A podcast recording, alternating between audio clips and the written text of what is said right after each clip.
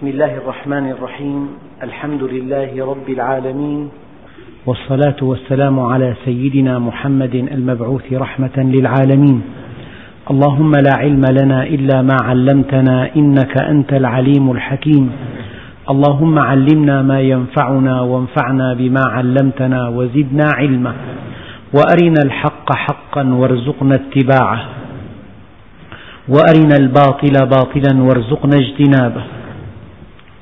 واجعلنا ممن يستمعون القول فيتبعون أحسنه وأدخلنا برحمتك في عبادك الصالحين.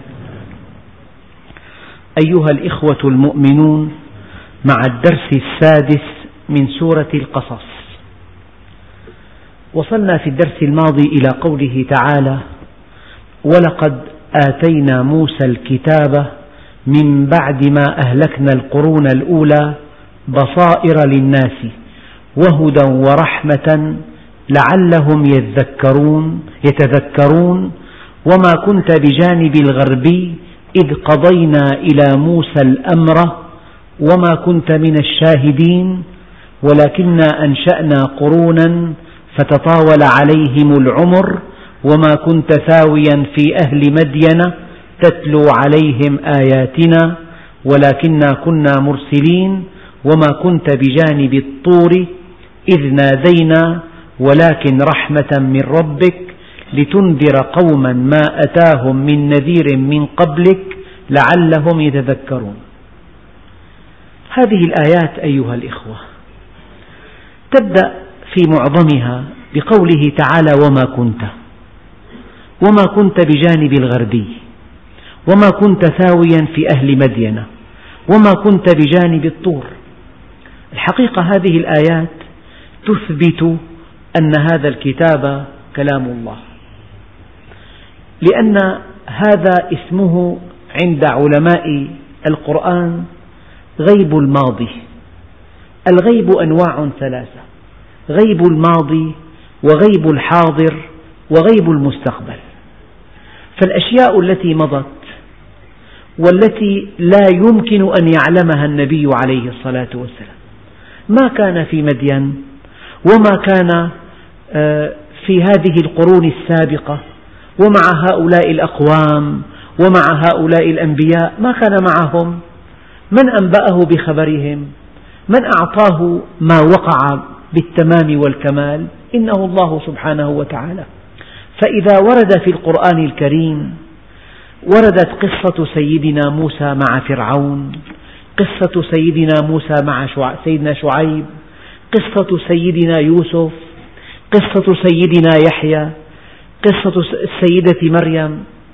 هذه القصص قصص الأنبياء التي وقعت من قبل ما كان للنبي عليه الصلاة والسلام بحكم أنه عاش في صحراء بحكم أنه كان أميا.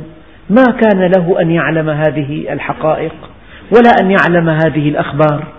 فإذا جاء بها صحيحة كاملة واقعة دقيقة فهذا دليل على أن هذا الكلام كلام الله. ننتقل من هذه الفكرة إلى فكرة أعم وأشمل. الإنسان بادئ ذي بدء عليه أن يؤمن بالله خالق هذا الكون، وهذا الكون بين يديه. إن هذا الكون بما فيه من آيات دالة على وجوده وعلى عظمته وعلى أسمائه الحسنى وعلى صفاته الفضلى إن هذا الكون هو الدليل الأكبر على وجود الله وعلى صفاته وأسمائه وعظمته. هذا الإله العظيم أيعقل أن يدع عباده من دون تشريع من دون توجيه من دون تعريف من دون أمر من دون نهي من دون لفت نظر من دون بيان. هذا الكون يدل على أن الله سبحانه وتعالى كامل في أسمائه كامل في صفاته. فمن لوازم كمال الله عز وجل ألا يدع عباده هملا معطلين عن الأمر والنهي. أتجد أبا يرى ابنه منحرفا ويبقى ساكتا. أتجد أبا لا يعرف ابنه بالطريق الصحيح بالهدف النبيل. إذا ربنا سبحانه وتعالى من كماله لا بد من أن يرسل إلى هذا الإنسان خطابا. في كل عصر إن هذا الخطاب هو كلام الله عز وجل. الآن في عنا مشكلة. أو في عنا قضية دقيقة. سأوضحها لكم من خلال هذا المثل. لو أن رجلا من علية القوم موسرا له أعمال واسعة عين وكيلا لأعماله وأغدق على هذا الوكيل الشيء الكثير. هذا الوكيل إذا جاء جاءه من سيده خطاب يأمره أن يدفع لفلان مبلغا كبيرا. هذا الوكيل إذا دفع هذا المبلغ ولم يكن هذا الخطاب من عند سيده فقد خسر خسارة كبرى. وإذا كان هذا الكتاب من عند سيده ولم يدفع صرفه من العمل الإنسان أمام وضعين. إذا كان هذا الكلام كلام الله ولم يطبق الإنسان أمره ونهيه أهلك نفسه في الدنيا والآخرة. وإذا كان هذا الكلام كما يظن بعض الناس بعض الملحدين ليس كلام الله إنه كلام من صنع سيدنا محمد. ونفذه بحذافيره ولم يكن كذلك فقد ضيع حياته الدنيا. إذا هذا الوكيل إذا جاءه خطاب من سيده أخطر شيء عليه أن يفعله ماذا؟ أن يتأكد من صحة نسبة هذا الخطاب إلى سيده. هذا شيء مفروغ منه قبل كل شيء قبل أن تفعل شيئا. أنت عبد لله. ولك إله عظيم يدل عليه هذا الكون. يعني الكون فيه آيات لا تعد ولا تحصى. هذا الإله العظيم والخالق الحكيم والمربي الرحيم ما نسيك من فضله ولا من توجيهاته ولا من بيانه ولا من تحذيره ولا من تبشيره. أرسل هذا الخطاب. يجب أن تؤمن إيمانا قطعيا قطعيا. في إيمان ظني في إيمان تبرك في إيمان تقليدي. يجب أن تؤمن إيمانا قطعيا بأن هذا الكلام كلام الله. لماذا؟ لأن فيه أمر وفيه نهي. معظم الناس لا يقفون موقفا واضحا من كتاب الله. في آيات تأمر وآيات تنهى وهو لا ينتهي ولا يأتمر. وإذا قرأ القرآن قال صدق الله العظيم وقبله من, جوانبه الست. ووضعه في مكان من بيته مرموق وهو لا يطبقه. فإذا جاء ملك الموت ورأى أنه قد انحرف انحرافا خطيرا عن منهج ربه ولم يطبق ما به. قبل أن يأتي ملك الموت حينما يدفع ثمنا باهظا لمخالفة هذا الكلام حينما يأكل مالا حراما حينما يعتدي حينما يحيد حينما ينحرف يدفع الثمن باهظا. وحينما يأتي ملك الموت يجد أنه خسر خسارة كلية وأبدية فلذلك الإنسان عليه أن يقف موقفا واضحا من كلام الله عز وجل هل هذا كلام الله؟ ما الدليل؟ ما قولك أيها الأخ الكريم إذا كنت في مجلس وأردت أن تحدث الناس عن آيات الله فقال لك أحدهم ما الذي يؤكد لك أن هذا الكلام كلام الله لماذا تجيبه؟ إذا سكت أسقط في يدك. إذا لم تجد جوابا شافيا مقنعا لهذا الإنسان تزلزلت أنت. هذا الذي يبني إيمانه على سماع على سماع أقوال الآخرين من دون بحث من دون تحقق من دون تمحيص.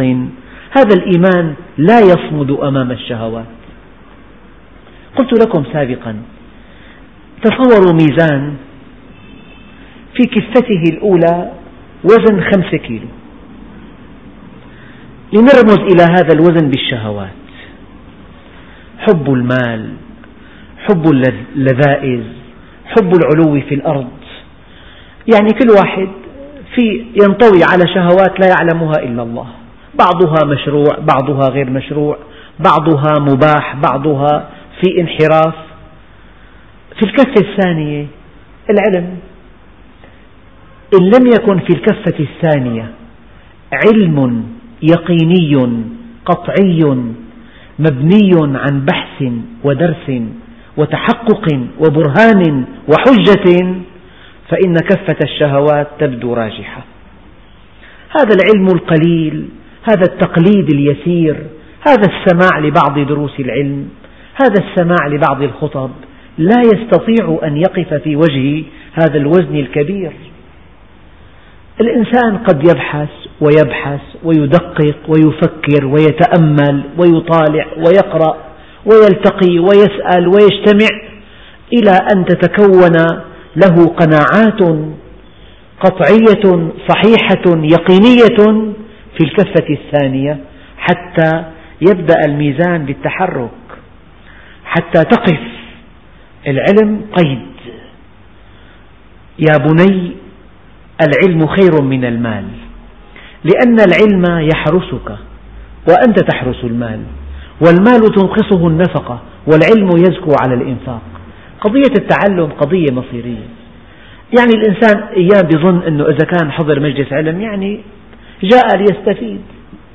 لكن ساحة نفسه ممتلئة بأشياء متعلقة في الدنيا.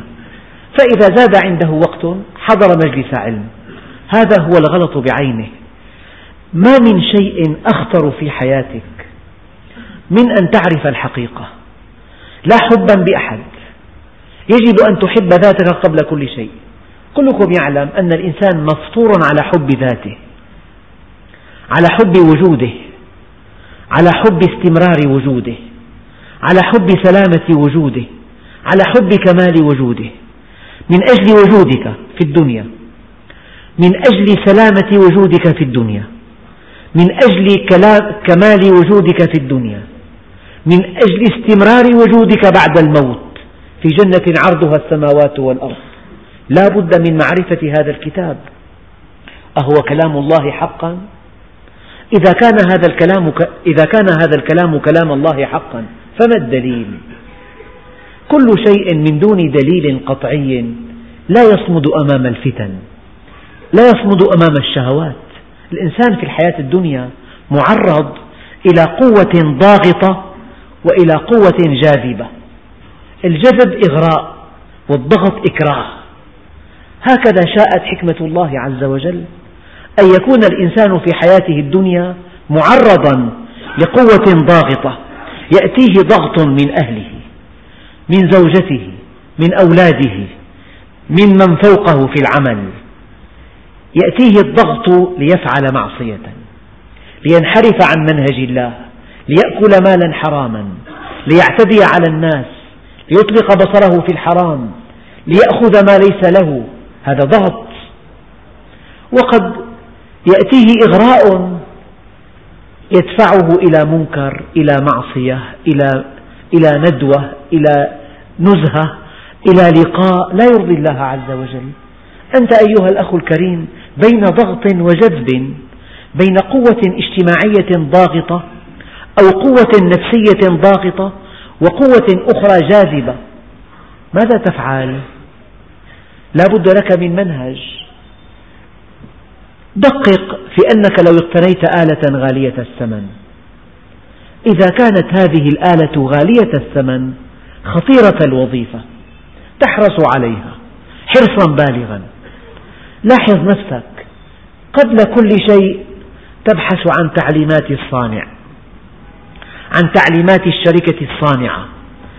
بدافع من حرصك على سلامة هذه الآلة وعلى حسن سير عمل هذه الآلة وعلى كفاءة هذه الآلة وعلى مردود هذه الآلة تبحث عن تعليمات الصانع. فهلا بحثت يا أخي عن تعليمات الخالق؟ عن منهج الخالق؟ أيعقل أن يكون الله عز وجل قد أنعم عليك بنعمة الإيجاد وتركك هملا بلا أمر ولا نهي ولا تعريف ولا بيان ولا توجيه ولا شيء من هذا القبيل. أيعقل أن الله عز وجل أنعم عليك بنعمة الإيجاد ولم يبين لك من أنت وما دورك في الحياة وما مهمتك وما هويتك. لماذا أنت إنسان؟ لماذا حملت الأمانة؟ ما معنى الأمانة؟ ما هي مقومات التكليف؟ ما هي الحرية التي تتمتع بها؟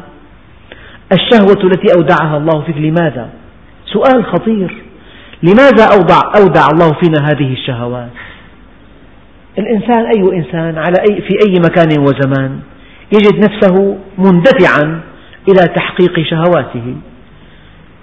يندفع إلى الطعام وإلى الجنس الآخر وإلى كسب المال وإلى أن يكون ذا شأن في الحياة. هذه الشهوات لماذا, لماذا أودعها فيك رب الأرض والسماوات؟ من أجل أن يفتنك؟ مستحيل. من أجل أن يوقعك في شباك الشهوة؟ من أجل أن يدفعك إلى المعصية؟ خالق عظيم وهذا الكون يؤكد عظمته يفعل هذا. لا بد من أن الله سبحانه وتعالى حينما أودع فيك هذه الشهوات إنما أودعها لترقى بها إلى رب الأرض والسماوات. ما أودعها فيك إلا لتكون هذه الشهوة دافعا لك إليه محركا إلى القرب منه. كيف تتقرب من الله عز وجل؟ إذا لم تكن تحب المال لأنك تحب المال إذا أنفقت المال تشعر بالقرب تشعر بالمؤاثرة تشعر بأنك فعلت شيئا عظيما. لو أن هذا المال لا يساوي عندك إلا التراب ما قيمة إنفاقه؟ كيف ترقى بغض البصر إن لم يحبب إليك الله النساء؟ ما قيمة غض البصر؟ تغض البصر فترقى إلى الله عز وجل. يتزوج الإنسان فيرقى. يرقى بالزواج شكرا ويرقى بغض البصر صبرا. تكسب المال الحلال فترقى. ترقى شكرا وتترفع عن المال الحرام فترقى صبرا. تكظم تكظم غيظك فترقى صبرا.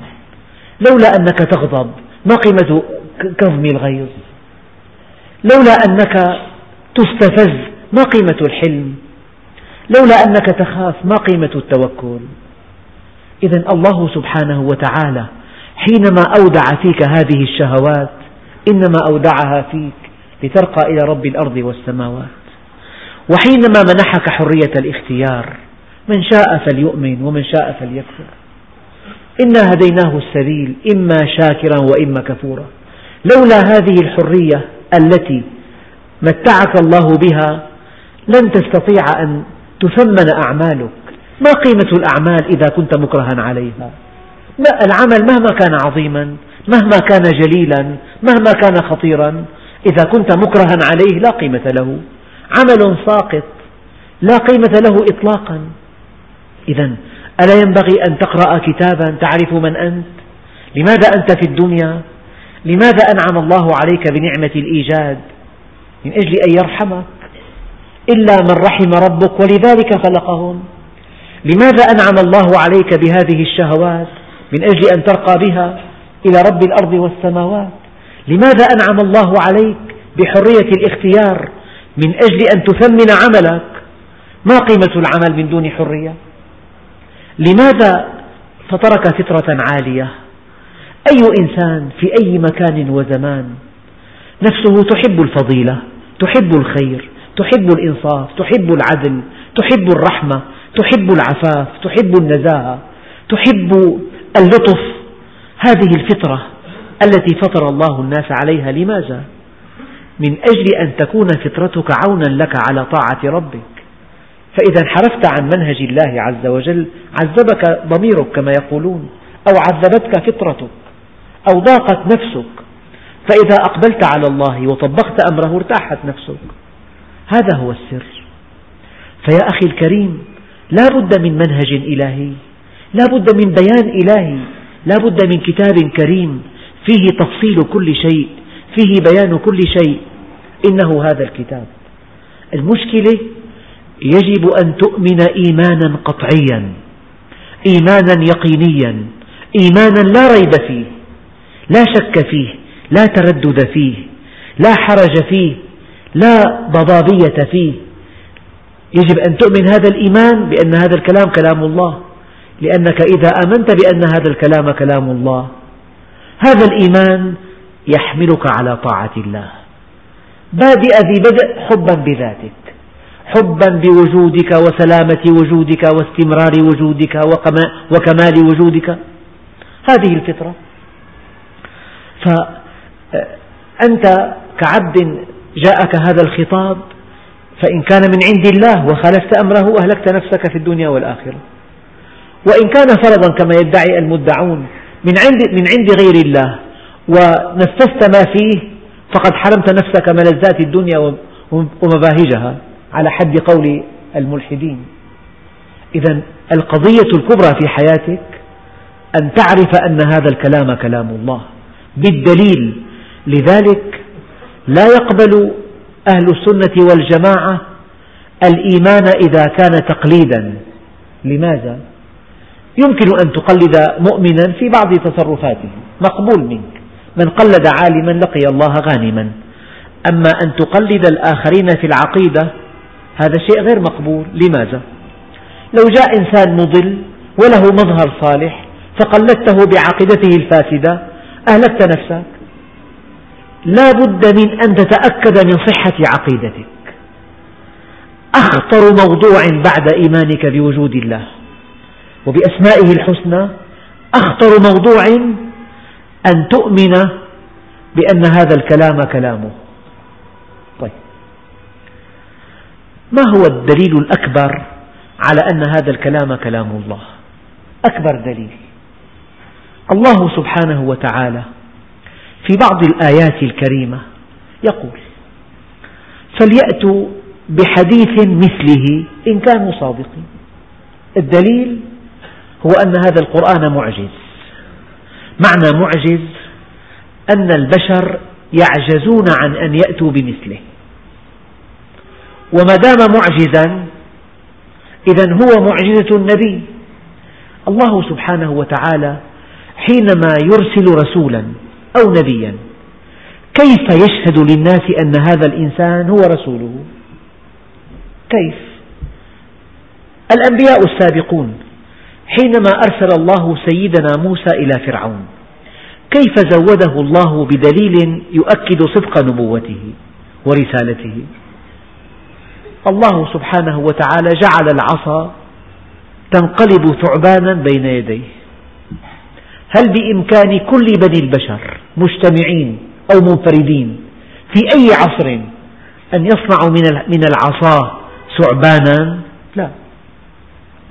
أما سحرة, سحرة فرعون قال فخيل إليهم من سحرهم أنها تسعى. لكنهم حينما رأوا العصا تنقلب ثعبانا مبينا قالوا آمنا, قالوا آمنا برب موسى وهارون.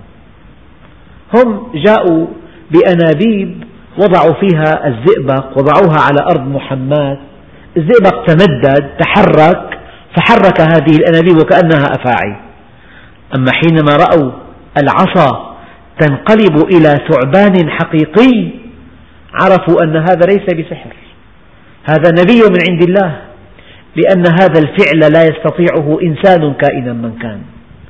إذا بشكل مبسط حينما يرسل الله إنسانا نبيا رسولا إلى قوم يزوده بالدليل. الدليل على أنه نبي وعلى أنه رسول المعجزات. فالمعجزات أمر يجريه الله على يد نبي يفوق طاقات البشر ويخرق قوانين الطبيعة وخواص المواد. يتحدى به النبي قومه فلا يقدر أحد على معارضته. هذا تعريف المعجزة. لا يقدر أحد على معارضته. المعجزات سميت أيضا دلائل النبوة. أعلام النبوة علامات النبوة. سماها القرآن البينة. سماها القرآن البرهان. سماها القرآن الآية. آية بينة برهان دلائل النبوة أعلام النبوة علامات النبوة. معجزات يعني شيء خارق لقوانين الطبيعة. فيه تجاوز لخواص المواد. لا يستطيعه الإنسان كائنا من كان. يتحدى به النبي قومه ويدعوهم إلى الإيمان بالله عز وجل. كلكم يعلم أن الله سبحانه وتعالى حينما أرسل الأنبياء والمرسلين زودهم بمعجزات حسية. هذه المعجزات تتناسب مع طبيعة العصر مع الشيء المتألق في هذا العصر. في عهد فرعون كان السحر قد بلغ شأوا رفيعا فجاء سيدنا موسى بمعجزة تبطل سحرهم. في عصر سيدنا عيسى عليه وعلى نبينا أفضل الصلاة والسلام جاء سيدنا عيسى بإحياء الموتى وهذا شيء يفوق كل طاقات الطبيب.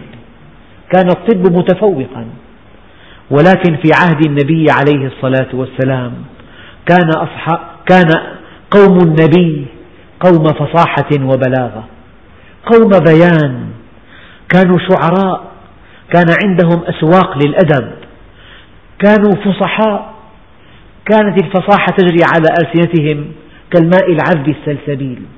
لذلك جاءت معجزة النبي عليه الصلاة والسلام قرآنا يتلى إلى يوم القيامة. فرق كبير بين معجزة النبي التي هي هذا القرآن وبين المعجزات الحسية التي جاء بها الأنبياء. تلك المعجزات وقعت وانتهت وأصبحت خبرا. يصدقه المصدقون أو يكذبه المكذبون. ولكن معجزة النبي عليه الصلاة والسلام هي قرآن يتلى إلى يوم القيامة. بعد مئة عام بعد مئتي عام بعد خمسمائة عام بعد ألف عام بعد ألفي عام إلى يوم القيامة هذه معجزة قائمة بذاتها بينة واضحة لكل ذي بصر. شيء آخر أيها الإخوة هذا ينقلنا إلى موضوع هل هناك كرامة؟ المعجزة فهمناها خرق لقواعد لنواميس الكون تجاوز لخواص المواد. يتحدى بها النبي قومه يؤكد بها نبوته يدعوهم إلى الله بها ولكن الولي أله كرامة؟ نعم إن الكرامة ثابتة بنص كتاب الله عز وجل ولكن الولي لا يتحدى بكرامته الناس ولا يدعي بها النبوة إنما هي في حقيقتها كرامة للنبي عليه الصلاة والسلام. ولا يمكن أن تسمى الكرامة كرامة إلا إذا كانت هذا إلا إذا كان هذا الذي أجراها الله على يديه متابعا للنبي عليه الصلاة والسلام. فهذه الكرامة في حقيقتها تأكيد لمعجزة النبي عليه الصلاة والسلام. يعني مثلا إذا قال عليه الصلاة والسلام إضافة إلى التداوي عن طريق الطبيب داووا مرضاكم بالصدقات.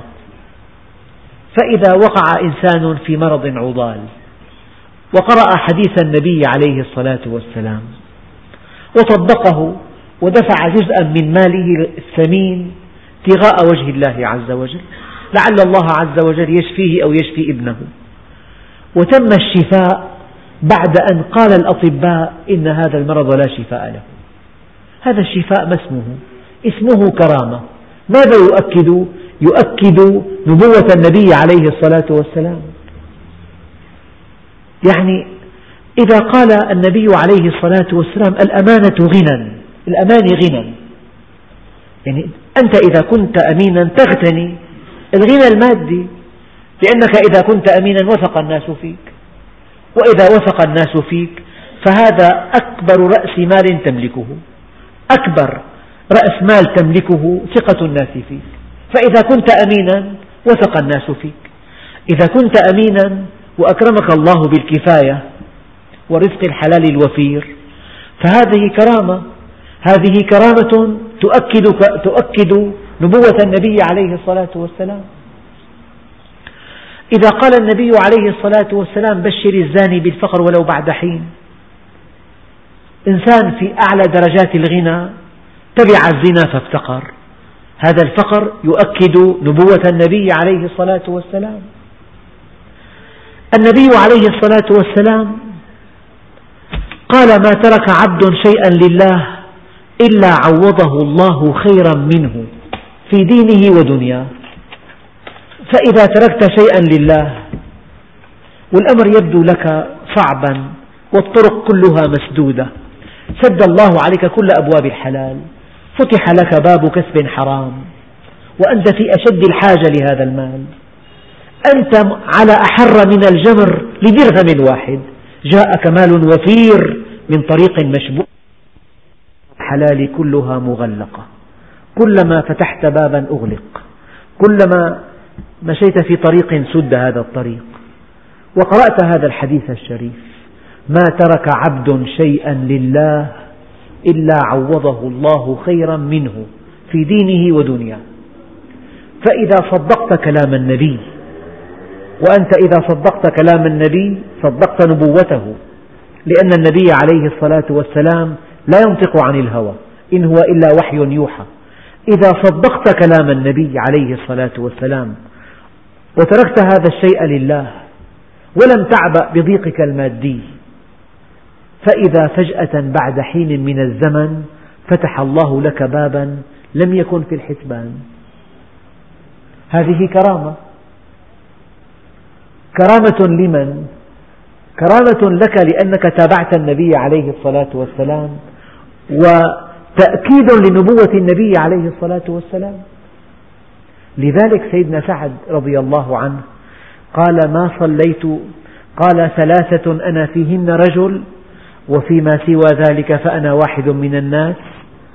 من هذه الأشياء الثلاثة ما سمعت حديثا من رسول الله صلى الله عليه وسلم إلا علمت أنه حق من الله تعالى.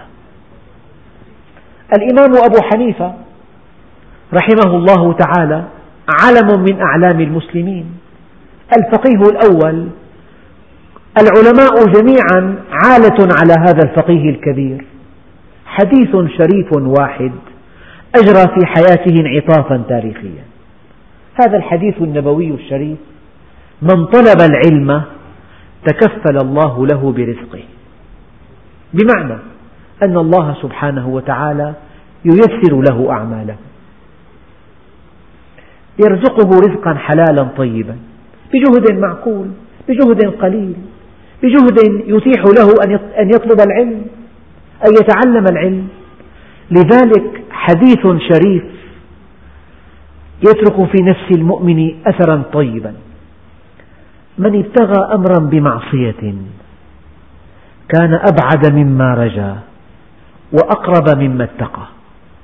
يعني إنسان حان وقت درس العلم حان وقت مجلس العلم فإذا شيء يلوح له فيه كسب للمال. لو أنه فرضا ترك مجلس العلم ولحق هذا الكسب من المال ما قولك أن هذا الكسب يضيع منك ويضيع منك مجلس العلم في وقت واحد؟ إذا آثرت دنياك على آخرتك خسرت الدنيا والآخرة. وإذا آثرت آخرتك على دنياك ربحتهم ربحتهما معا. هكذا النبي قال. ما ترك عبد شيئا لله إلا عوضه الله خيرا منه في دينه ودنياه. ومن ابتغى أمرا بمعصية كان أبعد مما رجا وأقرب مما اتقى. أكل المال الحرام ليعيش في بحبوحة. رجل أنشأ يعني عمل فيه معصية لله عز وجل. يعني دار يعصى فيها الله عز وجل. أنشأها وربح منها أموالا لا تعد ولا تحصى. وكان يخطط أنه إذا كبرت به السن وجد هذا المال الوفير ليقضي به حياته بشكل رغيد. فإذا بمرض خبيث يداهمه. في وقت مبكر جدا.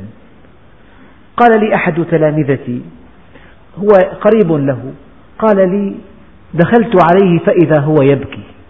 قلت يا كان خاله كان خاله. قلت له يا خالي ما يبكيك؟ قال يا بني جمعت هذا المال من أجل أن أستمتع به في خريف عمري لكن هذا المرض عاجلني. من ابتغى أمرا بمعصية كان أبعد مما رجا وأقرب مما اتقى. طبقوا هذا الحديث. لا يمكن أن تبحث عن شيء عن طريق معصية إلا فقدت هذا الشيء وسقطت من عين الله عز وجل. وإذا بحثت عن شيء يرضي الله عز وجل رضي الله عنك وأرضى عنك الناس. هكذا الحديث. من هكذا الحديث من أرضى الله بسخط الناس. رضي الله عنه وأرضى عنه الناس. ومن أسخط الله برضا الناس. يعني لا, لا نبتعد كثيرا. لو أن إنسان أرضى زوجته وأسخط ربه لا بد من أن يسخط عنه ربه ربه ولا بد من أن تسخط عليه زوجته. لأنه أرضاها بسخط الله. إذا أرضى شريكه على حساب دينه سيسخط الله عنه وسيسخط عنه شريكه. فلذلك هي الكرامة شيء رائع جدا. الكرامة أنك إذا طبقت أحاديث رسول الله صلى الله عليه وسلم تقطف ثمارها يانعة وقطف ثمارها كرامة لك وكرامة للنبي عليه الصلاة والسلام وتأكيد لنبوته وتأكيد لمعجزته. إذا الكرامة ليس فيها تحدي وليس فيها إثبات نبوة والولي الذي يجري الله على يده هذه الكرامة ليس بالضرورة أن يكون معصوما. أما النبي حينما يجري الله على يديه معجزة ليتحدى بها قومه وليثبت بها نبوته هو بكل تأكيد معصوم من قبل الله عز وجل. لكن شيء ثالث يقودنا إليه الموضوع نفسه إنه السحر. الساحر يركب متن الفسوق والعصيان. الساحر فاجر الساحر عاصي. فالذي يأتي به لا علاقة له إطلاقا لا بالكرامة ولا بالمعجزة. إن الذي يأتي به من ضمن طاقة البشر. ولكن بشر له مهارات خاصة مهارات عالية جدا. من ضمن طاقة البشر وطاقة الجن وطاقة الحيوان. شيء بإمكان المخلوق أن يفعله إنسيا كان أو جنيا أو حيوانا. لكن المعجزة لكن الكرامة شيء يفوق طاقة البشر أمر فيه خرق لقوانين الكون. ليجريه الله على يد النبي الكريم ليثبت بهذا الشيء نبوته للناس. نحن الذي ساقنا لهذا الموضوع أن هذا الكلام كلام الله. قد نقرأه وقد نستفيد منه وقد نتبارك به وقد نعجب بآياته ولكن هل أنت مستعد لهذا السؤال؟ ما الدليل على أن هذا الكلام كلام الله؟ أعندك دليل؟ الحقيقة الآيات التي وردت في هذه في هذا الدرس وما كنت بجانب الغربي إذ قضينا إلى موسى الأمر وما كنت من الشاهدين من جاءك بهذه الأخبار من تلا عليك هذه القصة من عرفك بما حدث قبل آلاف السنين جاءت وقائع هذه القصص مطابقة للواقع. لو أن هذه القصص من صنع النبي عليه الصلاة والسلام أو من تأليفه وعند أهل الكتاب الكتب والقصص وما شاكل ذلك لكذبوه فورا. وما كنت بجانب الغربي إذ قضينا إلى موسى الأمر وما كنت من الشاهدين ولكنا أنشأنا قرونا فتطاول عليهم العمر وما كنت ثاويا في أهل مدين تتلو عليهم آياتنا ولكنا كنا مرسلين. شيء آخر أيها الإخوة الأكارم كما قلت قبل قليل ربنا عز وجل جعل هذا القرآن معجزا يعني لا يستطيع كما لا يستطيع إنسان على وجه الأرض أن يجعل من العصا ثعبانا أو أن يجعل البحر طريقا يبسا. أو أن يجعل هذه النار المحرقة منطفئة أو بردا وسلاما على إبراهيم. كما أنه لا يستطيع إنسان على وجه الأرض أن يصنع تلك المعجزات الحسية. كذلك لا يستطيع إنسان على وجه الأرض أن يأتي بهذا بمثل هذا الكتاب.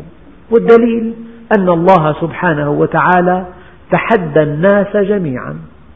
قل لئن اجتمعت الإنس والجن على أن يأتوا بمثل هذا القرآن لا يأتون بمثله ولو كان بعضهم لبعض ظهيرا. الآية الأولى فليأتوا بحديث مثله إن كانوا صادقين. الآية الثانية ربنا عز وجل خفف عنهم. قال فأتوا بعشر سور مثله مفتريات. وادعوا من استطعتم من دون الله إن كنتم صادقين. الآية الثالثة خفف أيضا قال فأتوا بسورة مثله. وادعوا من استطعتم من دون الله إن كنتم صادقين. الآية الرابعة أخطر قال وإن كنتم في ريب مما نزلنا على عبدنا فأتوا بسورة من مثله. وادعوا شهداءكم من دون الله إن كنتم صادقين. فإن لم تفعلوا ولن تفعلوا. هذه لن لتأبيد النفي. لا يستطيع أن يقولها إلا خالق الكون. الإنسان يقول لك أنا أغنى الناس. الآن أما أن يقول إنسان أنا أغنى الناس إلى الأبد مستحيل. هذا ليس في طاقة البشر. الإنسان يقول أنا أقوى الناس اليوم أما أن ينفي أن يكون أحد مثل قو أن يكون أحد مثل قوته في المستقبل هذا فوق طاقة البشر. الله سبحانه وتعالى قال فإن لم تفعلوا ولن تفعلوا. هذا الكلام الله سبحانه وتعالى تحدى العرب وكانوا أعداء ألداء خصوم معاندين كانوا يعني فعلوا كل شيء ليطفئوا رسالة النبي. فإن كان بمقدورهم أن يأتوا بمثل هذا القرآن أو بعشر سور, من مثله أو بسورة واحدة. إنا أعطيناك الكوثر. فصل لربك وانحر. إن شانئك هو الأبتر. هذه أقصر سورة في القرآن الكريم.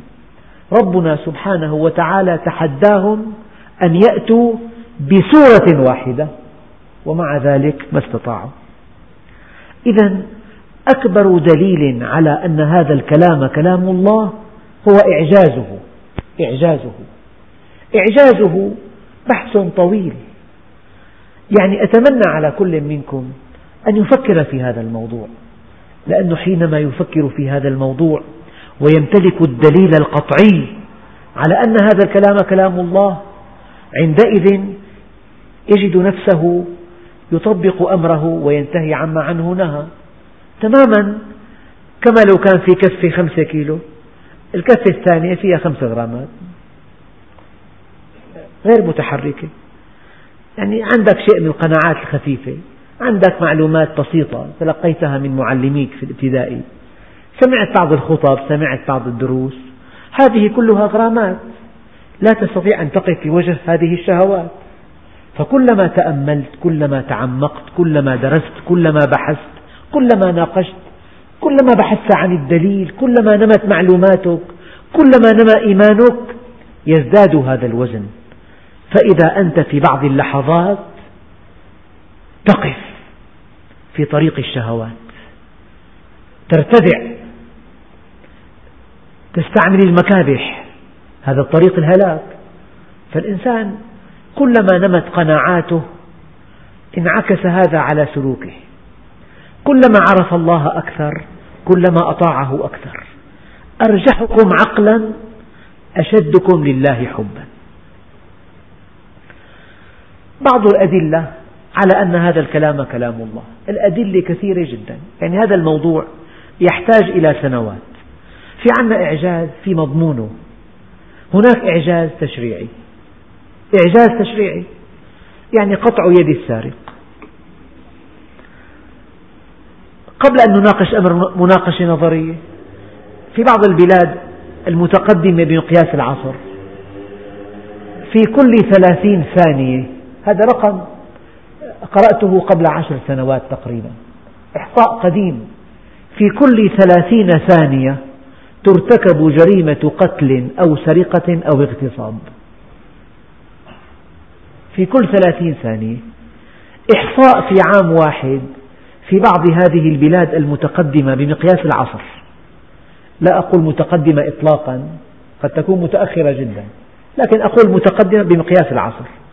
في بعض هذه البلاد في إحصاء لعام واحد تم إحصاء ستة عشر مليون سرقة في عام واحد. بلاد أخرى تطبق قانون قطع اليد. ترى العجب العجاب. ترى شيئا لا يصدق. ترى الأموال الطائلة توضع في أكياس على الشاحنات تنتقل من محافظة إلى محافظة. يعني كما سأل كما سئل الإمام الشافعي يد بعشر مئين عسجد وديت. يعني كانت ديتها عشر مئات من الدنانير الذهبية. إذا قطعت خطأ في حادث ما بالها قطعت في ربع دينار فأجاب الإمام الشافعي قال عز الأمانة أغلاها وأرخصها ذل الخيانة فافهم حكمة الباري. لما كانت أمينة كانت ثمينة فلما خانت هانت. هذا إعجاز تشريعي. العالم بأنظمته الوضعية بمشرعيه بحقوقييه بأذكيائه بقادته ما اهتدوا إلى أن قطع يد السارق تنشر الأمن في البلاد. لأن قطع يد السارق بمثابة تطعيم إذا رأى طفل صغير يدا مقطوعة معلقة وسأل أباه ما هذا يا أبتي؟ قال له يا بني هذا إنسان سرق فقطعت يده. إن كراهية السرقة تسري في دم هذا الصغير. مجتمع آمن يعني أخطر شيء في المجتمع العدوان على المال وعلى العرض. لذلك أكثر الجرائم سببها عدوان على الأعراض أو عدوان على الأموال. هذا الكلام كلام الله عز وجل من عند حكيم عليم. فصل تفصيلات دقيقة في كسب المال. كسب المال حرم الربا أباح البيع. حرم الغش حرم التدليس حرم الغرر حرم الغبن. يعني ربنا عز وجل بآيات كثيرة والنبي عليه الصلاة والسلام بأحاديث كثيرة وضح كل شيء في موضوع كسب المال. وأمر بغض البصر وأمر بالزواج ونهى عن السفاح وأمر بكذا وأمر بالاستئذان ومنع الخلوة من أجل صون العرض.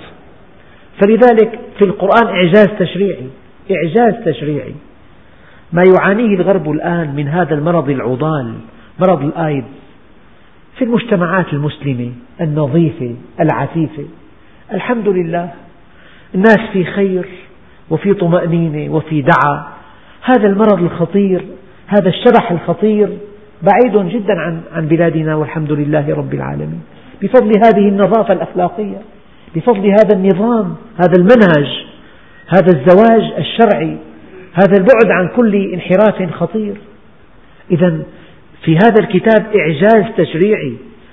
علماء القانون في العالم المشرعون في العالم القانون الروماني قانون حمورابي قانون البلاد الفراعنة ما اهتدوا إلى هذا التشريع؟ تشريع الزواج تشريع الطلاق تشريع تعدد الزوجات في مثل أيام الحروب وأيام الكوارث تشريع المواريث. هل يعقل أن تضغط هذه القوانين المتناهية في في التوزيع في التشعيب بآيات عدة في القرآن الكريم؟ إذا يمكن أن نسمي أن نقول في القرآن إعجاز تشريعي ما جاء به من نظام غض البصر أنا قرأت كتابا ألفه رجل من بلاد الغرب اسمه أليكسي كاريل الإنسان ذلك المجهول. قرأت في هذا الكتاب جملة أدهشتني. هذا الكاتب بتأملاته وتصوراته وبحثه عن الحقيقة اهتدى إلى أن خير نظام للحياة الاجتماعية أن يقصر الرجل طرفه على زوجة واحدة.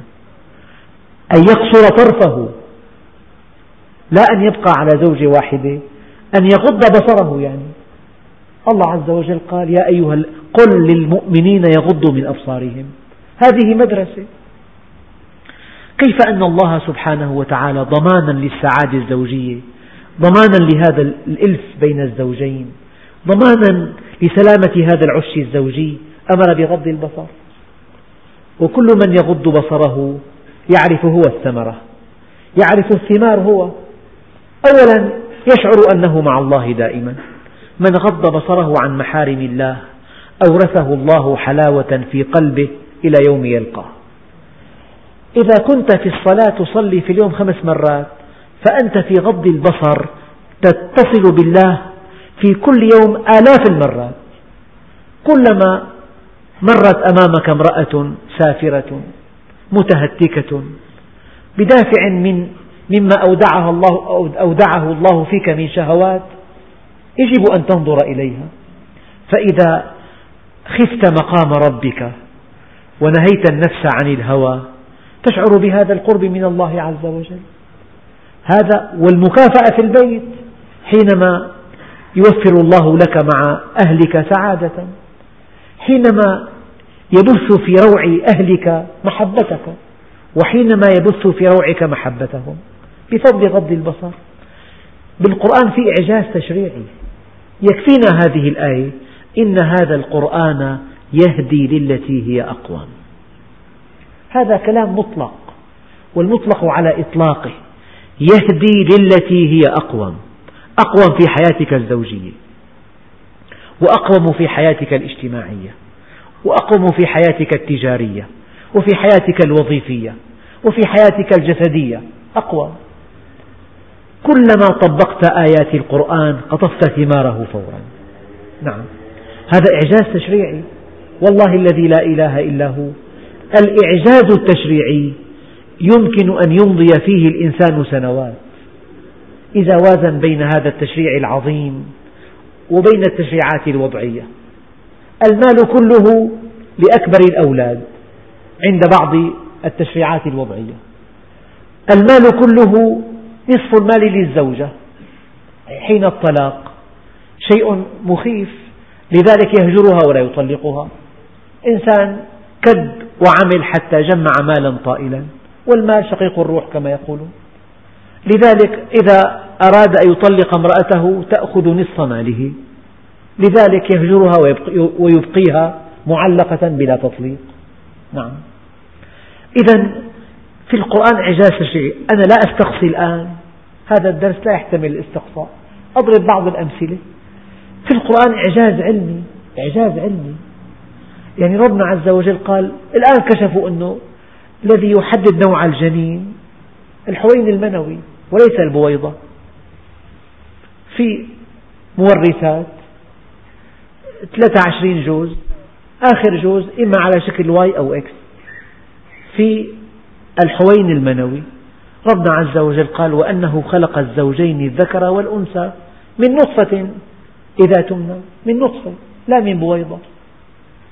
أشار إلى أن, هذه إلى أن كل شيء يتحرك. لذلك بدءا من الذرة وانتهاء بالمجرة. وكل في فلك يسبحون. أشار إلى دورة الأرض حول نفسها. وترى الجبال تحسبها جامدة وهي تمر مر السحاب. من صعد في عهد النبي إلى السماء وشعر بضعف بقلة الضغط وشعر بأن دمه يكاد ينفجر. هذا شيء ما عرفه الإنسان إلا بعد أن ركب الطائرة. ومن يجعل صدره حرجا ضيقا كأنما يصعد في السماء. يعني في كتاب الله إشارات علمية كثيرة جدا الآن كشفت الآن عرفت. مرج البحرين يلتقيان بينهما برزخ لا يبغيان فبأي آلاء ربكما تكذبان؟ علماء البحار الآن كشفوا أن بين كل بحرين برزخ. حاجز وهمي يمنع اختلاط البحرين لكل بحر ملوحته ملوحته وكثافته وحرارته ومكوناته. ولا يختلط هذا بهذا ولونه إذا ركبنا الفضاء أو ركبنا المركبات الفضائية أو الطائرات رأينا بين البحر الأحمر والخليج والبحر العربي خطا وبين البحر الأسود والأبيض خط وبين الأطلسي والمتوسط خط. مرج البحر يلتقيان بينهما برزخ لا يبغيان فبأي آلاء ربكما تكذبان؟ البرزخ والذرة والحوين والشمس والشمس تجري لمستقر لها. من رأى, هذا من رأى هذه الحقيقة؟ إلا في العصور المتأخرة. هذا إعجاز علمي. والحديث عن إعجاز القرآن العلمي حديث طويل جدا. لا يكفيه أشهر. يعني إن شاء الله تعالى في درس قادم نتابع بعض هذه الألوان من إعجاز, من إعجاز كلام الله عز وجل. يجب أن نعلم أن هذا كلام كلام الله. فإذا جاءك خاطب لابنتك ودينه رقيق. وجاءك خاطب آخر وهو مؤمن. وإذا كنت مؤمنا بهذا الكلام من عند خالق الكون تأتمر بأمر الله عز وجل وبنصيحته. ولعبد مؤمن خير من مشرك ولو أعجبكم.